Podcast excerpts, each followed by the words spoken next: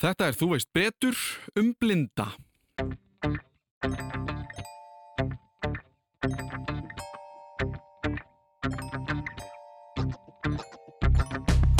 Ég hef tvísarsunum á æfir að lendi í því að fólk hefur reynd að tala tákmál við mér.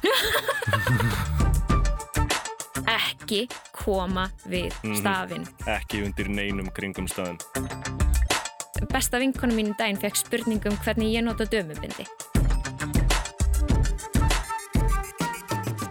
Það hefur verið venjan í þáttunum hinga til að ræða fyrirbæri eða hluti sem er kannski auðvelt að festa fingur á hvað eru nákvæmlega eða hvernig þeir eru skilgreindir, flugvilar, bensín, vegakerfið og þar fram eftir gödunum.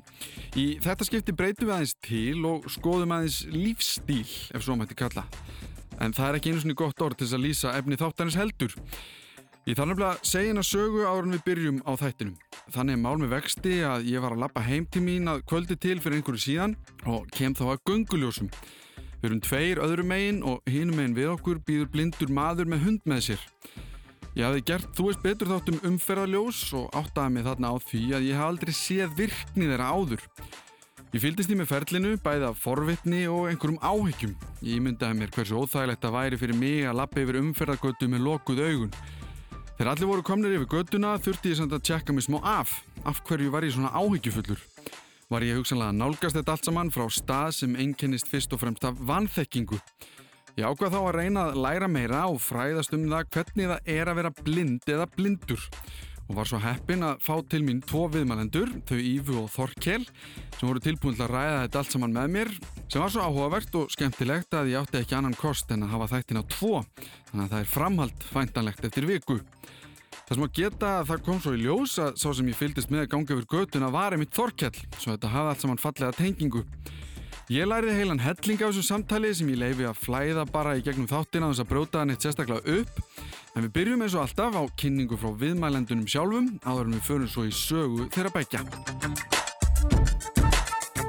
Ég heiti Íva Adrichem, ég er 23 ára, ég er söngkona, nýútskjöfið með B.A.prófi í klassísku söng og ég er laganemi við Háskólinni Reykjavík. Ég heiti Þorkell Jóhann Steindal og ég er einstæður hundafæðir og ég er 41 árs.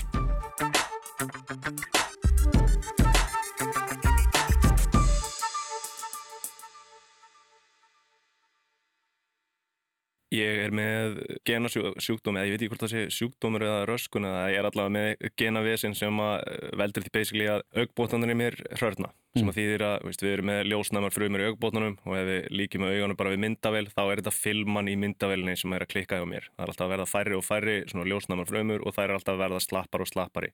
Þannig að myndin sem að ég er að fá inn í heilan á mér það er alltaf færri og færri pixlar sem að heilan á mér hefur úr á móða og það er alltaf stærri og stærri svið í, já, í sjónsviðinu mínu sem að dett út. Mm. Þannig að þetta er svolítið eins og veist, einhver hafi skotið augbótan á með haglabissu.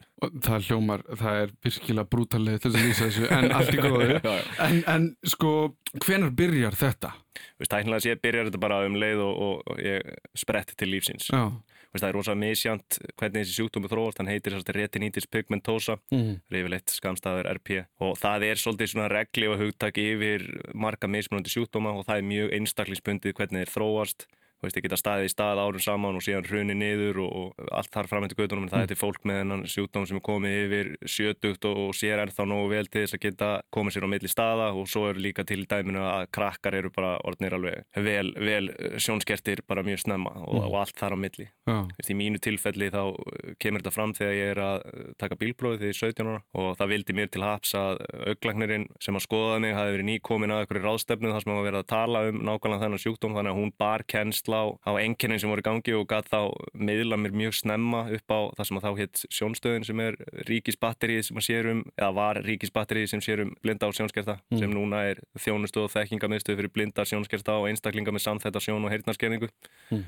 sem er yfirleitt í daglu tali kalla miðstöðin. Þannig að veist, ég er að koma inn á miðstöðina þegar ég er 18 ára og sko af því að hún ber kennsla á þetta svona mm. snemma skip, sko svo ég orðið það svona bara blákallt skiptir það máli er þá sko af því að oft er talað um og ég ætla ekki að bera þetta sama við kannski en þegar við, ég var að tala með krabbameinsleiknum krabbamenn mm. þá var alltaf að tala um það skiptir svo miklu máli hvenar þú greinir það til þess að hvernig þú meðhandlar það er þetta einhver leiti sambarilegt eða var það bara meira að svona bera kennsla hvað væri að gerast og bara díla við það? Sko, núna í dag skiptir það meira máli.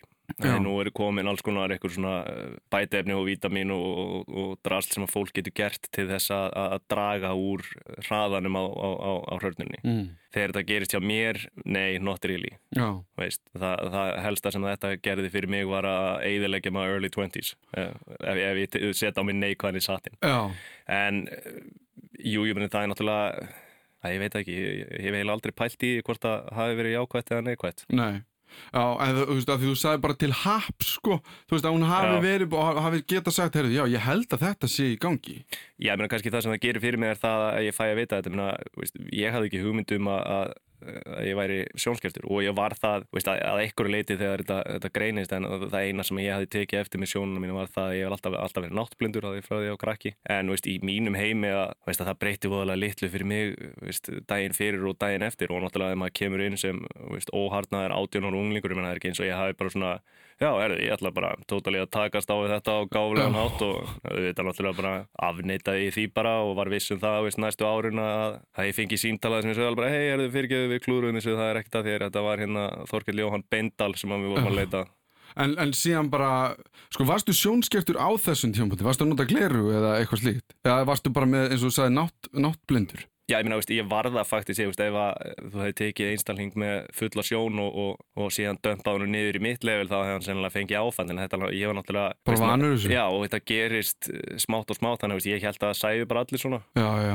einmitt. og svo er það kannski upp úr, upp úr tvítu sem þetta fer að vera við sem þá hætti ég að geta les, lesið svona standard svartletur og, og síðan eru kannski hvað 10-15 ár síðan ég byrjaði að ganga með staf Mm og þrjú ár síðan ég fekk, já ég glemdu nú að kynna Gaur Já, við verðum eigum ekki að gleyma gaur. já, Gaur er hérna á gólunni, hann er leysöguhundurum mín og minn helst að stóða stuðningur Já, og sko, þú greinist með þetta Mm. og þá er vitað hvað er í gangi. Já. Byrjar þú þá, ok, ef við tökum kannski út fyrir sviga, auðvitað er þetta sjokk og þú feins og sagðir, ferði afnýttun og ert að pæli bara, nei, það getur ekki verið ég og eitthvað, Mhm. en sko, byrjar þá að undirbúa þig einhvern veginn, þú veist, á einhvern hátt, ok, þegar þú sættist við að þetta sé að fara að gerast, þá byrjar þú svona að segja, ok, heyrðu, ég þarf að haga þessu svona, svona, svona, eða, eða er þetta svona smám saman, eða kemur þetta kannski allt í einu, eins og, eins og að vera með staf, eða það, þarf ég að fá mér hund, eða allt þetta. það, það tók mig tíu ár að, að upp staf. En síðan er náttúrulega líka sko, það sem að ég held að margir gleyma að gera ráð fyrir er það að við mannskefnun erum gríðarlega góð í að aðlagast breytum aðstæðum. Mm -hmm. og veist, 100% sjón er gríðarlega mikil sjón. Veist, við erum að tala um það að þegar ég var með 10% sjón fór ég um alltaf línuskautum mér að svona næstuði skadalösu þannig að veist, þessa, þessi litla sjón nýtist manni ótrúlega vel ef maður kannan nótana þannig að Já, eins og ég segi, veist, það, tók mig tíu ára að komast á það og ég var heppið með það, ég var tildurlega fljótur að átta á því að það væri góð hugmynd að taka upp hennan staf. Það er, það er mjög misjánt hversu viljút fólk er til þess að gera það. Ég, ég var bara það heppin að, veist, ég veit ekki ekkur, sen, sennilega er ég bara svona gríðarlega vel gefin en ég, en ég tók stafin upp mjög snemma sem að hefur orðið til þess að, að, að ég hef auðlast veist, góða færni að nota og ég hef la- ha- haft metnað fyrir því að geta komið mér sjálfur á milli staða þannig að já en eins og ég segi það, tók alveg þessi tíu ár uh, fyrir mig að, að lenda á, á þeirri niðurstöðu bara svona hei þú þarf að díla við þetta já. Ef við förum kannski, og af því að við byrjum síðan kannski að blanda þessu saman, Íva, þú náttúrulega ert, það er öðru síðan, þín saga. Allt öðru sem mun einfaldari Og- á, á margan hátt. Já, Hún er þannig að ég fæðist með uh, sjúkdóm eða enginni sem heitir anoptalmia sem er basically bara fínt lækna heiti yfir engin augu um, Mhm. sem því bara augun þroskast ekki eða mjög litli leiti í móðkvi. Uh, þannig að já, ég er fætt blind, er blind og mun alltaf vera blind að öllum líkitum. og þá kannski erfitt að segja eitthvað svona hvenar, hvernig var þetta að takast á, þú veist, því að þetta er ekkert, þú þekkir ekkert annað, Nei, en að þá flest fólk þekkjar það að fara í barnaskóla og grunnskóla og allt þetta, hvernig var svo reynsla fyrir þig þá, meina, hvar ólstu upp sem dæmi, var, var allt til staðar, var þetta, þú veist, hvað áskorunir voru þetta sem að, ef við tókum fyrir út, út fyrir sviga, þú veist, að þú ert, þú ert blind en, en áskorunar sem eru kannski þegar þú ert að bera þið saman út ung og veist kannski ekki, maður er óharnar úlingur og allt þetta. Nákvæmlega, já það er náttúrulega vissulega fullt af áskorunum. Eh, Það helst það náttúrulega þegar maður er batn þá er maður bara batn og maður er ekkert að pæla í hvort maður sjáu öðruvísi en aðrir eða sé eitthvað öðruvísi en aðrir en maður var samt alltaf að fá þau skilabóð maður væri öðruvísi en gæti ekki kannski unnið almennilega úr því og skilið það af hverju mm -hmm. Og við blinduna líka bætist að ég var ekkert vola eðlitt bann þú veist, ég að mann krakkarnir voru út að leika sér að þú veist, ég var bann í bankarhuninu sko og ég var brjáluða því að fólkið mínu gátt ekki útskýrt fyrir mig hvað kúlulán væri. Þannig að, þú veist, alls konar svona hlutur, ég var svolítið svona á undan. Mm. og það náttúrulega háði mér rosalega félagslega og Og hefði gert blind eða ekki já, en þetta er víst algengt var ég að lesa með blindbönn að þau þroskast hraðar og er einhvern veginn fljótari að ná valda á tungumálinu og taka inn upplýsingar sem kannski sjáundi bönn af því að með, sjóninni fylgir svo gríðilega mikið áreiti mm. svo risa vaksið flæði af upplýsingum og blindbönn eru kannski með upplýsingar sem þið fá í takmarkara magni í einu mm -hmm. og þess vegna er einhvern veginn vinslan á því öðruvísi þetta er mjög áhugavert sko Mm -hmm. en svo er líka mikil dæmi um það ég held að sé alveg í hvað, 70-80% tilvika með börn sem fæðast blind að ef börn sem fæðast blind sem þetta er með skada á sjóntauginni Mm. og sjóntaugin er svo rosalega nálægt miðtöðakerfinu þannig að því að fæðast blindur fylgir í mjög mörgum tilfellum líka heilaskaði Já, ymmit Já, þannig að veist, ef það er skada á sjóntauginni þá eru við vandræðum sko, mjög oft Og var það hjá þér? Nei. Nei, nei, nei sem já, betur fyrir ekki sko. nei. En e- ertu með sjóntaug? uh, Vísa að henni, já, Já en ekki, ekki full mótaða mm -hmm. og það ávist alveg að hafa bjarga vegna þess að ef það er ekki sjóntaug þá hérna, hefði það geta raskað alls konar hlutum í miðtögakerfinu segir læknirinn minna Já. En sko, ég, að því að sko, Keili, þú ert 18 ára þegar þú greinist þannig að þú kannski, að því að ef ég er að bera þetta saman við bara eitthvað mína grunnskólagöngu það sem að, þú veist, fólk er í einhverju tísku, hérna, bylgjum og það er einhverjar myndir, einhverjar kvikmyndir sem koma út og eitthvað svona, einhver, bara alls ekki einhver æði. Sko, þú nærð að vissuleiti að upplifa það. Já. En Íva, sko, hvernig er það? Þú veist, ég meina, var fólk þegar ég var í ok, ég, kom upp um hvað ég er gammal en allt í góðu, þú veist, þegar ég var að poksa, poksa í, í grunnskóla eða eitthvað allt þetta, sko og að- eiginlega ástæðan fyrir að við erum hérna núna það er náttúrulega að kannski krakkar og úlingar geta verið óvægin og ef að fullornir vit ekki hvernig þau eiga að vera í kringum fólk sem er blind eða bara eitthvað öðruvísi en normið innan gæsalappa sko, hvernig var það líka? Varstu einmanna út af því? Upplifur einhvers konar útskúfun eða eitthvað slíkt? Eða var svona dálítið tekið utan um þetta? Já, það var náttúrulega allt reynd. Ég er náttúrulega að byrja mínu skólagöngu í sérskóla fyrir blind og sjónskipt börn. Mm -hmm. En ég tók mjög fljótt eftir því að við vorum höfð sér og það voru ekki sömu kröfur til barnana í sérskólanum og í almennu skólum. Og svo er það náttúrulega líka þannig sko að ég nýt þeirra gríðalegu forréttinda að vera með góð fjölskyldu og gott bakland og foreldra sem sko ég er náttúrulega lang, lang elsta barn og foreldra mínir hafa alltaf verið með það að, á stefnunni bara að ala mig upp sem hvert annar barn og gera nákvæmlega sömu kröfu til mín og til annara. Þú veist, auðvitað náttúrulega með þeim takmörkunum sem blindunni fylgja, ég menna ég er augljóslega ekki að fara að verða flugmaður. En Nei, nei, en veist að en, öru leiti, Já, en sko að því ég hugsa líka og þetta er bara að því ég veit það ekki en ég á litla frængu sem er 11 ára og hún les bara á fullu. Já, alveg bara vilt og galið. Mhm, og ég hugsa, ok ef hún væri blind væri hægt að gera þú veist, það er engin krafa frá fóröldur með hennar að lesa svona mikið en henni er bara langað til þess en væri hægt að gera þá kröfu í dag? Er til sko hérna eru tækifæri til þess, eru hvað hva hérna resources, eru hérna ég er náttúrulega kallað að hlusta á hljóðbækur að lesa, sko. Já, ég, ég ger það líka en er til nóg af því Það er náttúrulega til, sko, núna, Alveg bara. já, í massavís. Mhm. ok, Eða hver einasta svona mainstream innan gæslappa bók kemur út á hljóðbók í dag, sko. já og það er bara hægt að ná í það uh, á hljóðbókasafninu blindur sjónskertir fá sjálfkrafa uh, áskrift af því mm og það er bara app í síman þú downloada bókinu og þú hlustar á hana þannig að þetta er í rauninni mun aðgengilega en að lesa bara bækur, áþreifanlegar bækur einmitt. en þú fórst í tónlist Já. náttúrulega, sem að hérna, ég ætla einmitt að koma inn á það sko með, að því að þú varst að tala með einmannleikan og svona, Já. þessa útskóðun og svona og þú veist, það var mér eiginlega til haps að ég vissi rosa snemma hvað ég vildi gera og ég var með rosalega hnitmiðuð áhugamál og fóreldur mínir komi mér rosalega langt í því mm -hmm. og mhm. voru bara uh, með þær áherslu reyla ég, þú veist, einmitt ég þurfti að vinna fyrir því að skara fram úr auðvitað ef ég vildi skara fram úr og, og svo kynnist maður náttúrulega fólki í gegnum þessi áhugamál. Í mínu tilfelli voru það náttúrulega, var það aðalega eldra fólk sko í gegnum tónlistina því ég var bara 13 ára fara að vinna í Íslensk óperunni. Já, já, einmitt. Já.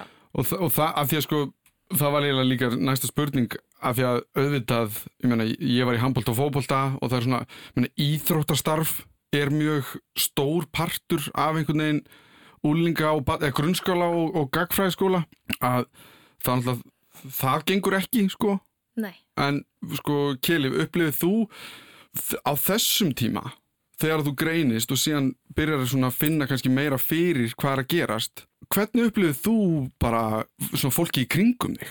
Vinina, einhvern veginn og þú þarf kannski að fara að gera hlutinu öðurvísi og eitthvað?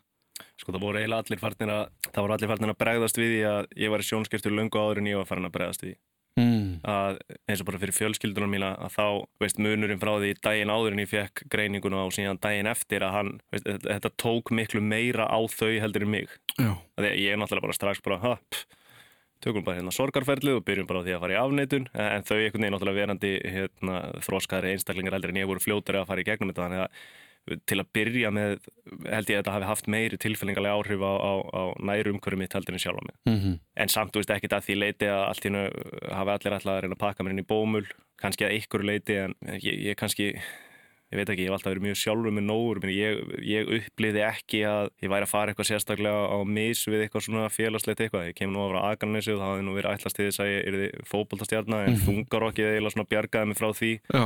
Þannig að ég, ég var aldrei í aðstæðum þar sem að, eða kannski valdi mér aðstæður þar sem að sjónin hjá mér var ekki, ekki faraldálmi. Sko. Mm -hmm. Bara líka þess með mitt tilfelli, sko, ég held sko foreldra mínir hafa, hafi miklu meira verið að reyka sig á hindranir þegar ég var lítil. Af því að það, þau sáu svo svona glögt hversu litlar kröfurna væri mm. og þau fengu endalaust í rauninni þau skilabóð frá kennurum og fleirum að þau væri raun að gera óraunhæfar kröfur og þú veist að fóreldræðinni væri að gera óraunhæfar kröfur. já, að þú veist, þau gæti eiginlega glemt í að ég myndi búa einn, fara í háskóla uh, þú veist, og gera það sem, þú veist, líf mitt er basically ekki eins og annara batna og það væri bara afneitun og í rauninni partur af þeirra sorgaferli að sjá það fyrir sér þannig að í rauninni var það þau sem tóku svolítið skellin held ég fyrir mig og með ég var náttúrulega bara einmitt að spá í æsef og kúlulón. Já, já.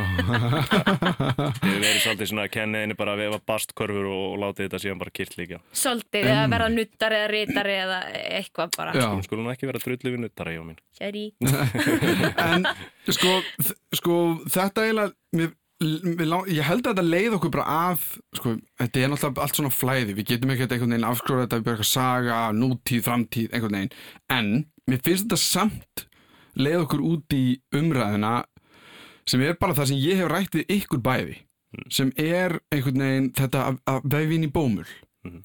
þú veist að ég meina, Íva, ég sagði þér frá því ég sá Kela að lappiðu göttuna, var það ekki? Jú. Já, og ég, Keli, ég er búin að segja þér Já, frá því að ég var svo stressaður og mér langaði svo mikið bara til að hjálpa þér og já, veist, ég held bara inn myndir í benna fyrir bíl mm -hmm. sem er auðvitað náttúrulega algjörlega af því ég bara kem frá einhverjum vanþekkingu, ég veit ekkert um hvað ég er að tala en þetta viðhór sem náttúrulega er tengist inn í það sem þið voruð bara að tala um núna mm -hmm. upplifið þið bara í kringum ykkur að það sem komið fram með ykkur eins og sko af, af vorkun eða af einmitt svona einhverju meðungun eða með, með meðvirkni eða hvernig þú sem þú vilt orða það Já, það ger ég svo sannlega Er það? Svo til á hverju degi Já, en, en, en, já. já. Nei, Kjeli, nenni þú að Já, já en veist sko, ég hef aðeins spælt í þessu og þar sem að mér finnst líklegast að sé að gerast er það að án þess og það þarf ekkert endilega að vera meðvitað en fólk, veist, lítur um mig með kvítastæði minn og, og dökkur sólglurun og hundin og hugsar, eins og þessi, er sennilega ekki meðvitað en svona undir meðvitundið er að hugsa bara við minn almáttur og þau sjá fyrir sér ef ég myndi loka augunum og þá væri ég náttúrulega bara algjörlega tótal í rugglinu og það lítur að vera það sama sem er að gerast í þessum auðmingjans manni.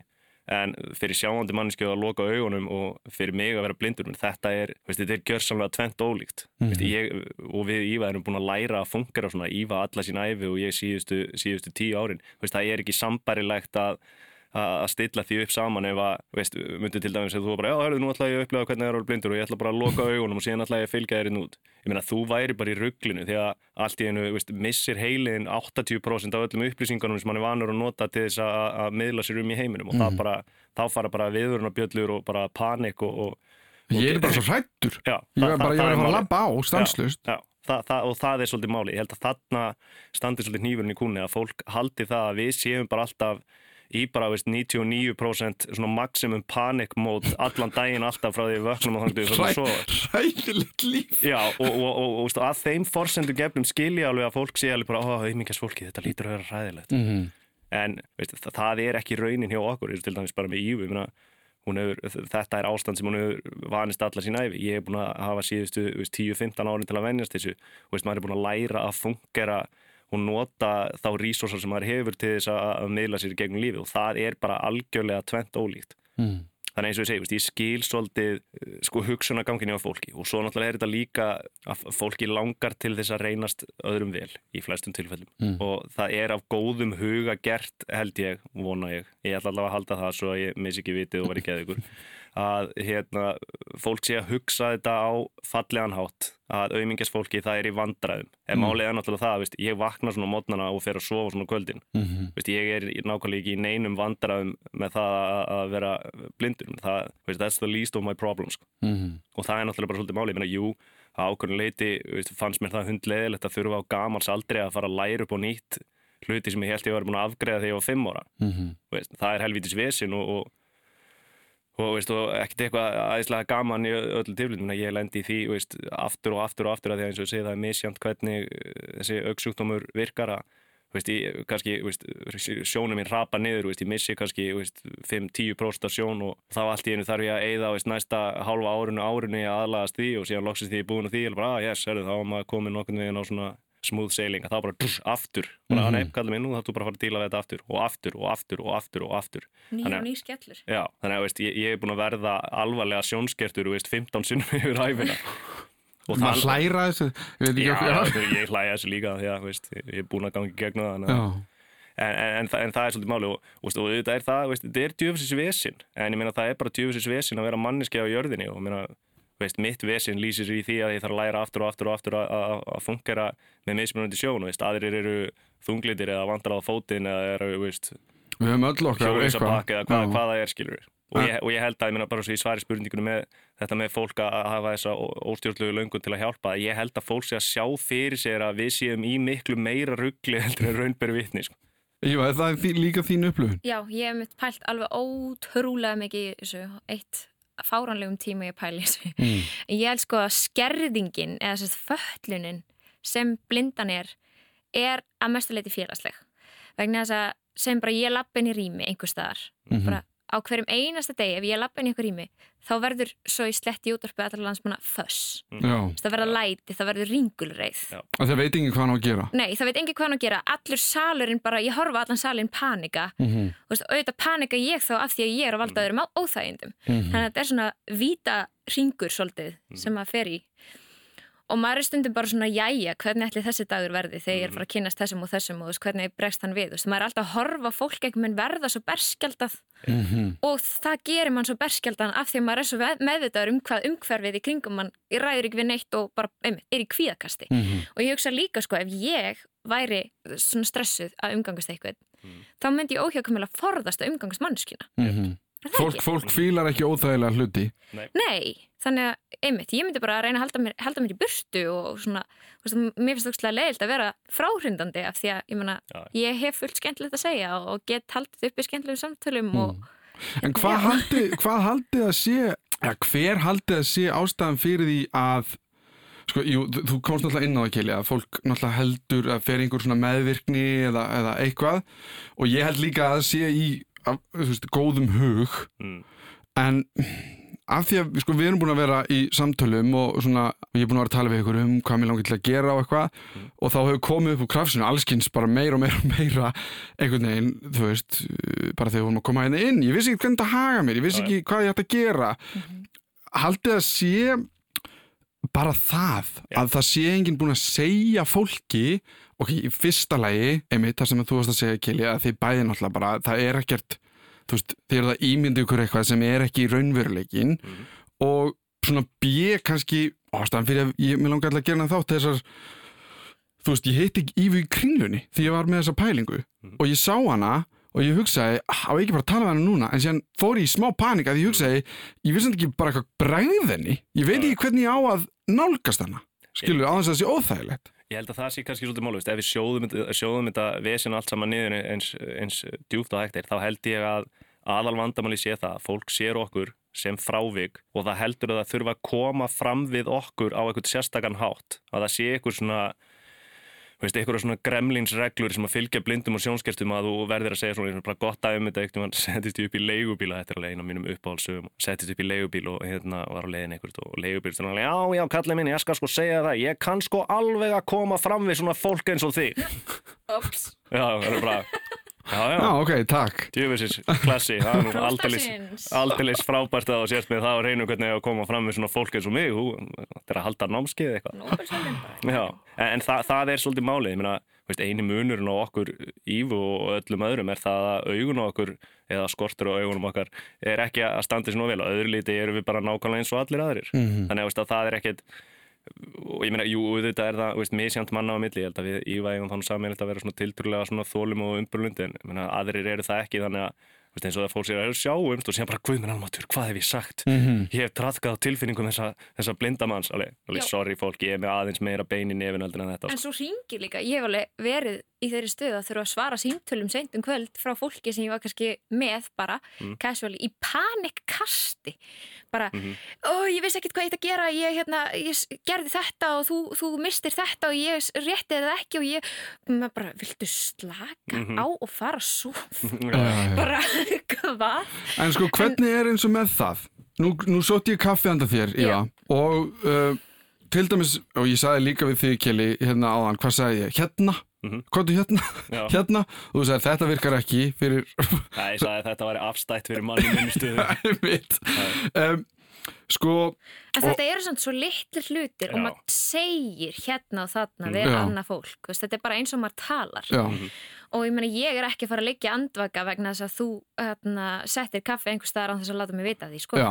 En, en þetta, bara þessir hlutir, og skilur við vorum að koma enga inn, eigum að fara, á, viltu, veist, viltu halda í mig, hvernig að fara inn, allt þetta. uh, sko, í fyrsta lagi er einhver staðar þar sem fólk getur bara, ég veit það ekki, séð einhverjar svona guidelines. Þú veist, ef við erum að, þú veist, e- eða getið þið sagt okkur frá því? Finn það, það er basically bara eitt guideline, spurðu bara. Já, það er bara nóg. Segðu bara, herru, við erum að fara inn, hvernig viltu gera þetta? Já, viltu haldi í mig eða viltu aðstóð Já, og þá er það bara í einstaklingunum í sjálfsvaldsett og síðan eins og ég segi, menn, það er misjant, veist, sumir eru rosalega viðkvæmir fyrir alls konar hlutum mhm, Já. og það er nú eitt góður félag okkar í sem að hefur mitt svolítið, verið svolítið mikið eh, svona pyrringsmegin í þessu að það, veist, hefur Og umtalað líka bara út í bæ, já, já, sko. ég held að það eru ansi margir leigubýstur sem að eftir að hlusta á þetta sem að vita hvernig við erum að tala um. En, en, veist, en það var alveg veist, þá í þessu að, að, að hluti séu rétt bara uh, upplifir þetta sem áreiti. Já, upplifir já. þetta sem bara eiginlega áreitni nánast. Já, já. þetta bara Þetta inngrip með að sjáumst eða hérna eða Nei, Nei, nei, meira, kannski- bara svona, meira bara svona þegar fólk stekkur upp og ætlar að aðstóðan og, og Já, já, já, já, já og meiri séu bara veist, upp að því heldur bara svona hei, vilt, vilt að ég ná í vasklas fyrir því og ég get alveg ná í vasklas sjálfur. Alveg, já, já, ég Mhm. gerir mig grein fyrir því en veist, stundum býðst maður til að gera hluti fyrir fólk. Fyrir fólk. Já, já, það er, já, já, samt dettur í hennar pitt sjálfur og ofhugsa bara, "Ah, hefði hann spurt þennan að þessu já, já. en þú veist, maður verður líka aðeins að tila með það sko. Mhm. en að því að tala um guidelines það hefur verið reynd að semja svona umgengnisreglur, bla bla bla fyrir, Mhm. þú veist, það er bara aldrei virka vegna þess að þetta er líka svo fjölbreyttur, fjölbreyttur hópur, ég menna það er til einmitt, yfirgnafendi meirhluti ungs blinds og sjónskist fólk er með viðbóta skerðingar og oft þroskaskerðingar og margt fleira Mhm. og það þarf bara aðstóð við alls konar Mhm. Þannig að veist, þetta, þetta er svo stór og fjölbreyttur hópur og öll flóran í samfélaginu það bara er ekki hægt. En mér finnst sko persónulega einmitt að því að Kil var að tala um að spyrja mér finnst ennþá betra ef fólk sko leifir manni bara að sína frumkvæði sjálfur. Mhm.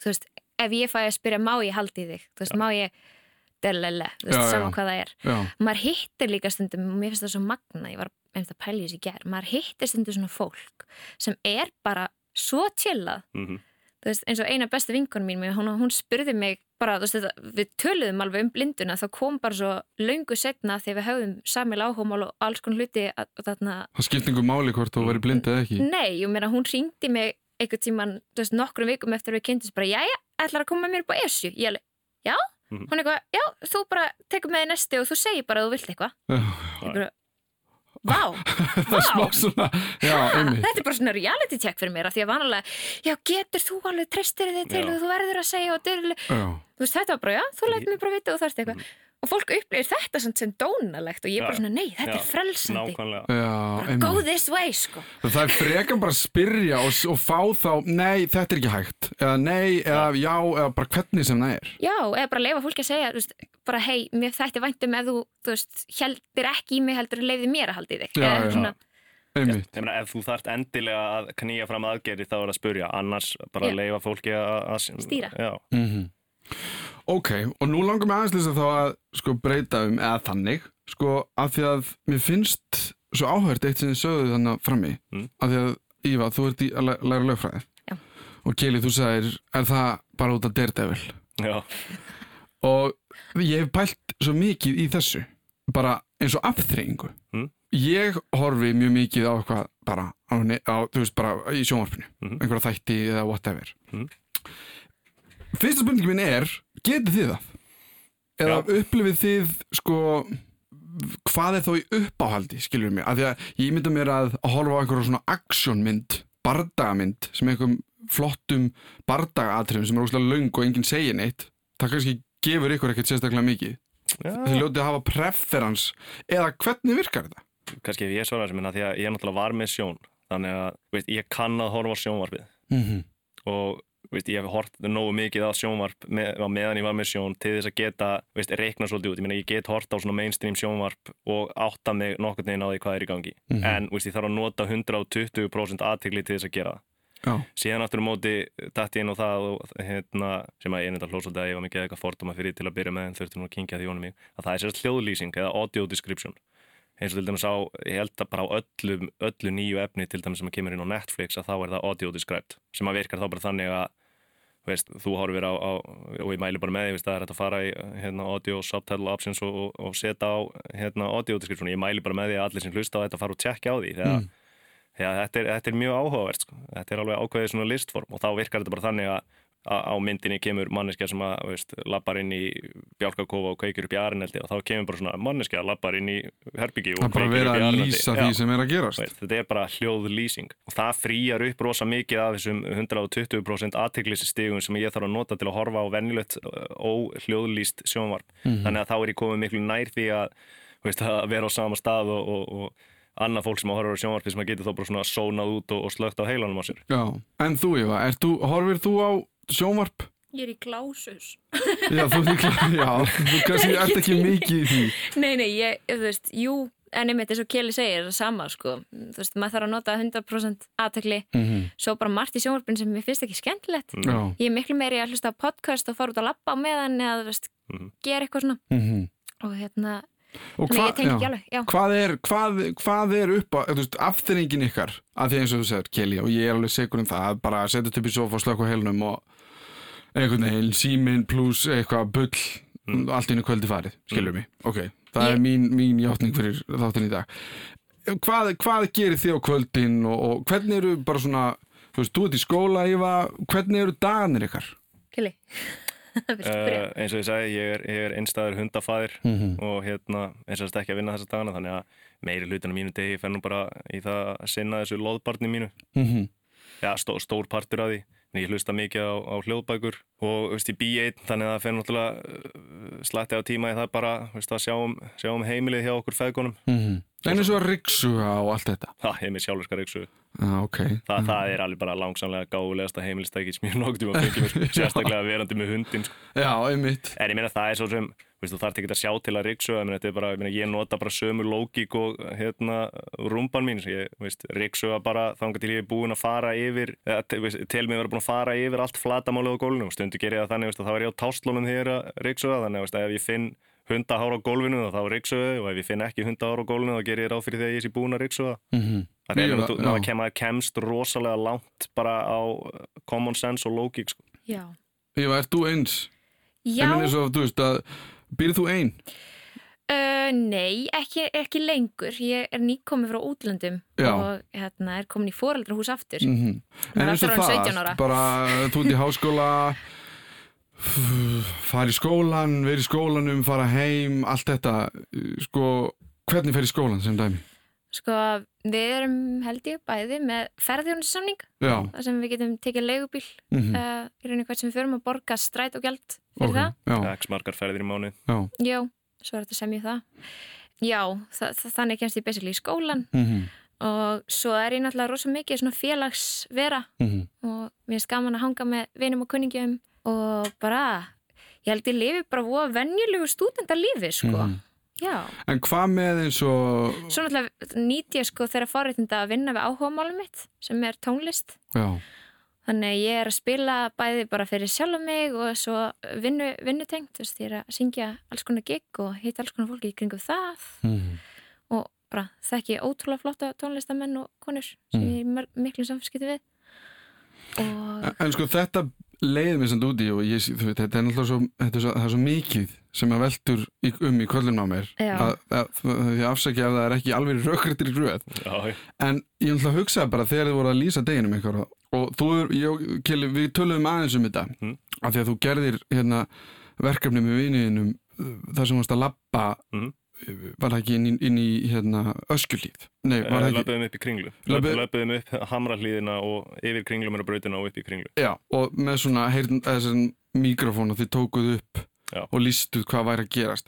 Og það er náttúrulega eitt sem að tengist inn í það sem við varum að tala um aðan með það sem fólk vannmetur í raun eða ofmetur, ég veit ekki alveg hvort það er. Yfirleitt bæði. Já, yfirleitt bæði, bara hvað er í gangi hjá okkur. Mhm.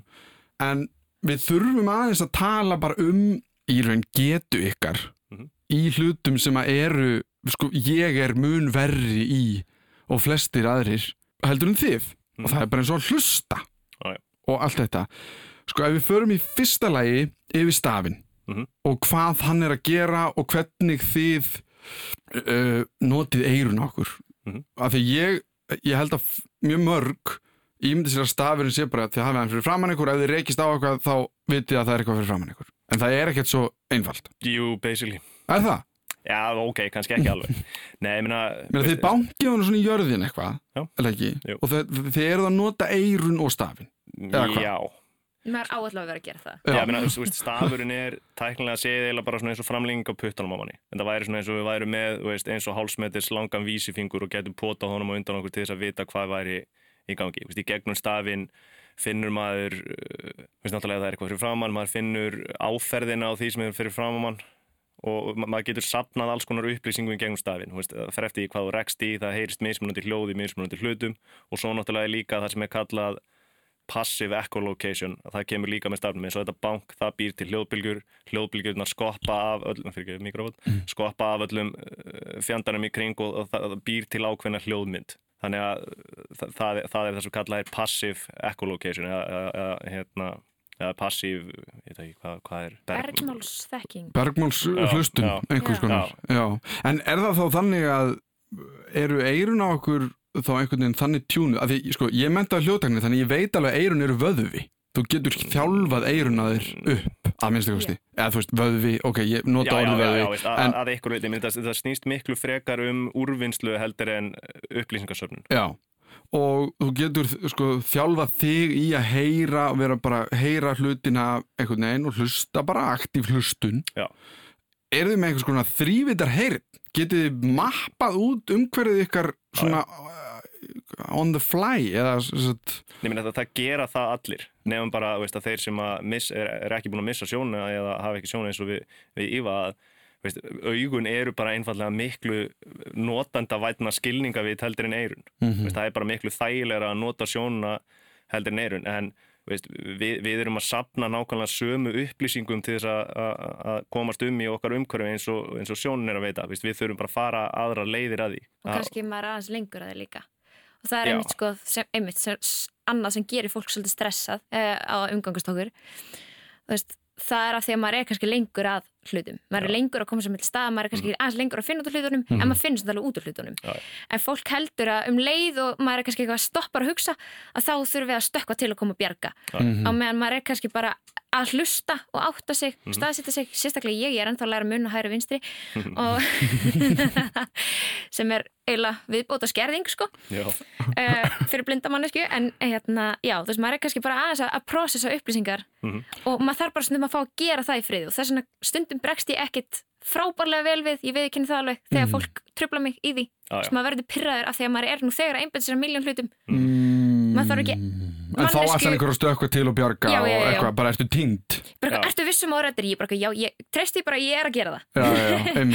Og líka annað sko með stafinn og, og þarna af því að það er með guidelines allavega í mínu tilfelli ekki koma við Mhm. stafinn. Ekki undir neinum kringum staðum. ekki, Ekki taki, koma við Nei, þá, bara ekki sko, taka hann af ykkur fólk hrifsar stundum í stafum hans til að reyna að beina benda manni. á eitthvað veist, í þess átt tekur undan um stafinn og maður er bara svona Nei, halló nei, nei, nei, nei, nei, nei. Það er algjört no-no Já, alveg sko. þú veist, ef þú vilt fá yfir þig skammir mhm.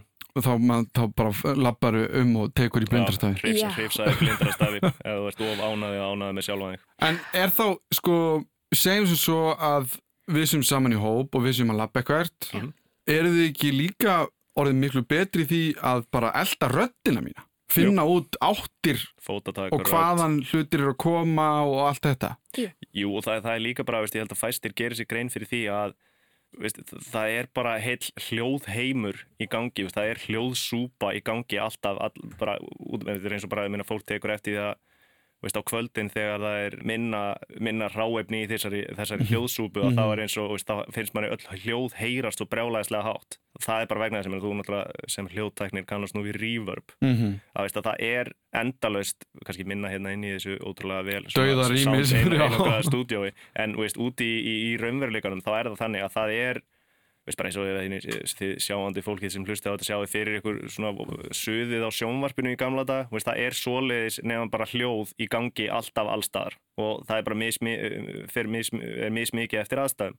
Og þessi hljóðsúpa veldur því að hlutir kasta frá sér þessi kallaði hljóðskugga. Þetta er eins og bara veist, þegar ég er að labba það er bara gott aðeins þetta er partur af svona standard göngutútum okkar gausa þá löpum við hann upp á viðstofahæðina og þar er hitavitu stokkurinn ganni sem að liggur hann eitthvað upp í Moselsbæði eitthvað og það hefur verið eitthvað framkvæmdarinn upp á hæðinni þannig að það var svona, heiti þið svona eh, framkvæmda geri- grindverk sem að veist, kemur í veg fyrir að fólk sé að vaða eitthvað inn á eitthvað vinnusvæði. Og það var í einhverju, einhverju lægð hérna um daginn sem að það hefði fókið niður þannig að það lási þess að staur í svona cirka 45 gráður fyrir ekki áttu mikrofón í svona cirka 45 gráður og ef ég hefði ekki hérna, tekið eftir það þá hefði ég smassað andlitin á mig beint í hann. Hann var akkurat í svona andlitshæð.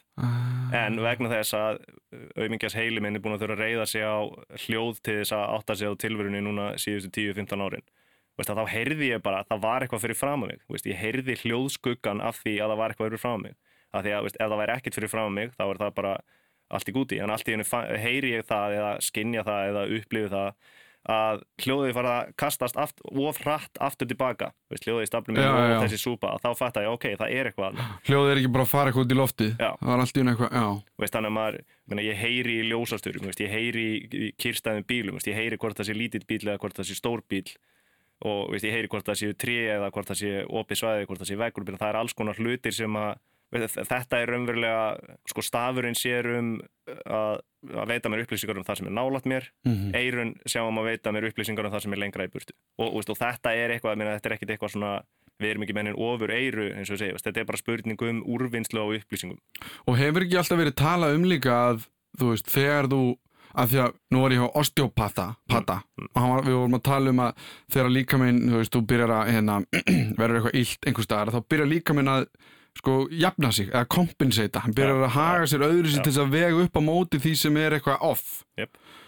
er ekki líka alltaf talað um, og hefur ekki alltaf verið talað um að þú veist, þú missir svona eitt skilningavitt Mm. að þá eflist hitt sem einhver líkaminn bara reyna að sko jafna sig út eða hvað, er það bull?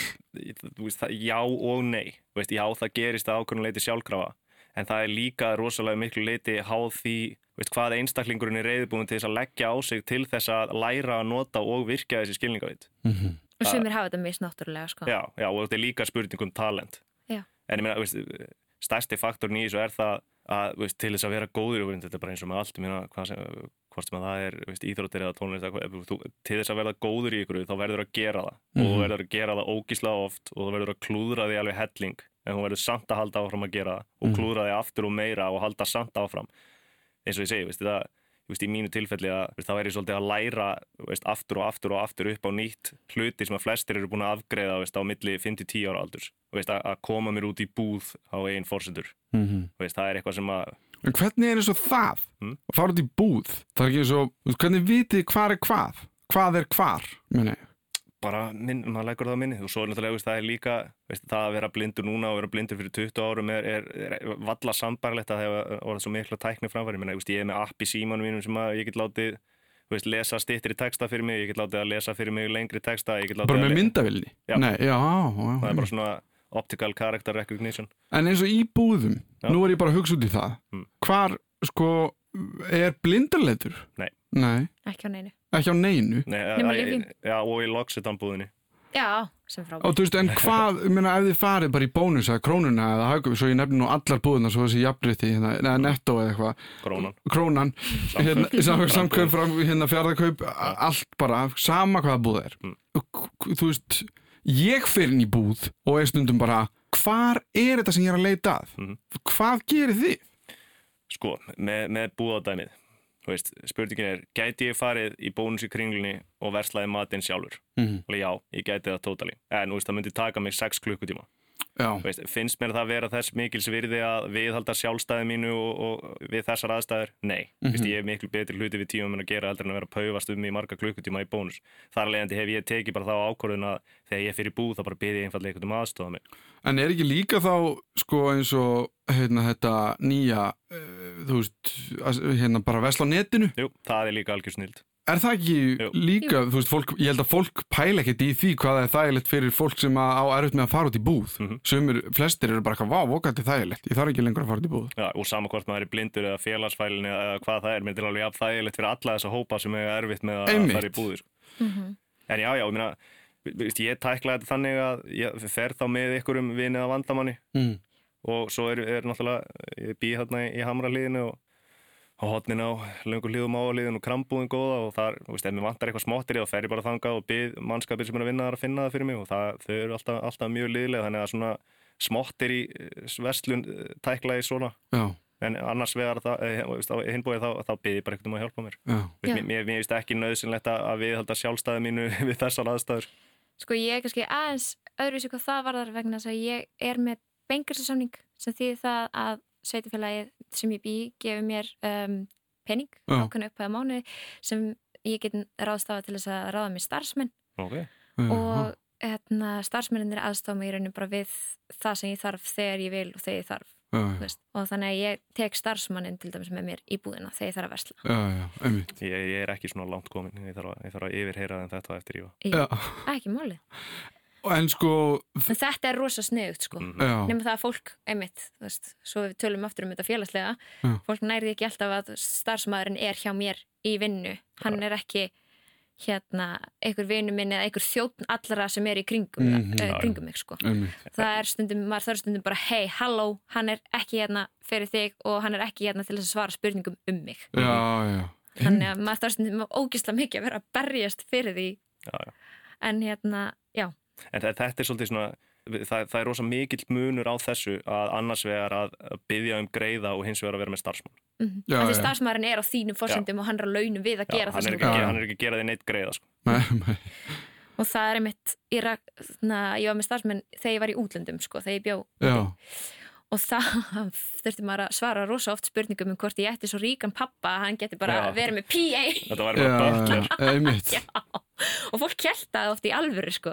og það er kannski gaman að koma inn á það líka sorry hvað ég er að drifta úr einu í annað Nei, bara, þetta er bara 100%. Já, en þegar ég bjóð í útlöndum þá sá ég svo mikinn mun Mm. á samfélagunum hvernig staða blindra er Mhm. bara Já. á Íslandi versus í Hollandi og í Þýskalandi Mhm. líka. Byrju, að hvaða leiti þá? Sko, við Íslendingar erum svo framalega við, við skiljum það ekki. Já, ok, ég held að væri öfugt. Nei, við erum náttúrulega í svo litlu samfélagi Mhm. og það er þetta nálgast hlutina svo ótrúlega einfallega og auðveldlega og fólk er einhvern veginn svolítið, jújú, jú, við búum í svolítið durga samfélagi þú veist það hver fyrir sig svolítið mikið Já, en að samanskapur er menn líka tilbúinir að, að hlýðra til og gera greiða og, Mm. og hérna vera sveigjanlegir sko. mm. En þarna úti ertu í margra tuga miljóna Mm. batteri sem bara rúlar, rúlar og rúlar. Þú er Já. enga stjórnaði.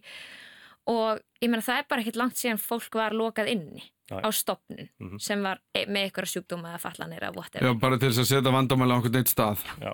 Já, Og Það einmitt bara sé þurfa þurfa skóla. ekki að díla við það. Já ég segi það Já. bara, já, ok, höfum þetta bara allt hér. Og maður var rosalega oft bara, þú veist, hvað ert þú að gera í háskóla? Mhm. Ertu með stúdensbró? Hvað? Varstu spurð að því? Rosalega oft. Ótrúlega oft. Bara, Það er nú frekar dónalegt. og fólki finnist Er líka gefandi og ég sé svo mikið inspiration Já, já. og hérna, jú, það er alveg, já, má deilum það, ég meina, orður er bara orð, ég meina, Já, en ég bara segja, skilur, já, já, ok, ég er bara Svona- kannski að nexast eitthvað á fólki, stundum. Já, æ, já, þú veist, maður verður bara að vinna líka úr því, veist, það þýðir ekkert að fara í fílu, þá getur maður alveg eins fara að loka sinni í herbygg allan daginn, Mhm. en ég meina, einmitt, það var svo mikið inspiration að ég væri þarna, svo mikill innblástur og gefandi og Það sé lala. maður er svo duglegur. Já, en líka Mhm. sko, fyrst hún getur þetta, þá lítur þú að geta þetta líka. Ég er bara, nei, kannski er ég bara búin að vinna vinnunum Já. mín og vera ógeðslega góð í hlutum af því ég vann fyrir þeim. Já. Það tengist föllunum ekki neitt. Nei, nei. Þú veist, það er einhvern veginn allt yfirfært á skerðingun og ég upplifði Já. þetta rosalega mikið út en líka sko, ég veit ekki, bæði með Holland og Þískaland þetta er, þetta er svona, fólk er bara með nefið í hversmanns koppi, þú veist það er allir bara annarkvæmt kennarar eða löggur Mhm. út á götu. Maður lappaði ekki út úr húsi án þess að fá bara einhverja þriðjugráði yfirheyslu um, já, býr þú ein? Og, og hvernig gerir það? Og hvað, Mhm. þú veist, ég er bara svona hei, ég er búin að tala við þig í tvær mínútur já, já, já. En líka ég skil þetta samt að fólk sé forriti og spyrir spurninga og allt það sko. Þú veist, auðvitað eru staðir og stundir fyrir Mhm. allt skiluru. Menn þó ég sé að ræða mjög opinskátt við ykkur tvo hérna, þá þýr ekki að sé hægt að koma mér í bónus og spyrja Nei. mig spjörunum úr. Nei, og það var einmitt eins og við tölum um ástæðan fyrir að mér langaði til að gera þetta hérna, að það væri kannski ok, heyrðu, þá bara getur við tæklað það Já. og þá þarf fólk ekki að vera Já, Eða eitthvað, hvernig sem það er. svo er náttúrulega Google frændi líka bara ágætt félagi stundum sko. Hér látum við staðar numið í þættinum í dag. Það var svo mikið til að tala um og mikið af spurningum sem ég hafði að það er framhald af samræðum okkar eftir viku. Ég vona að þið hafið haft gaman af og get lofað ykkur áframhaldandi ánægju í næsta þætti. Ég minni á postin minn allimarat.ruf.is eru einhverja spurningar eða ábendingar. Þakka auðvitað Ívu og Þorkeli fyrir að tala við mig. Þakkum leið fyrir mig. Þetta var Þú veist betur um blinda.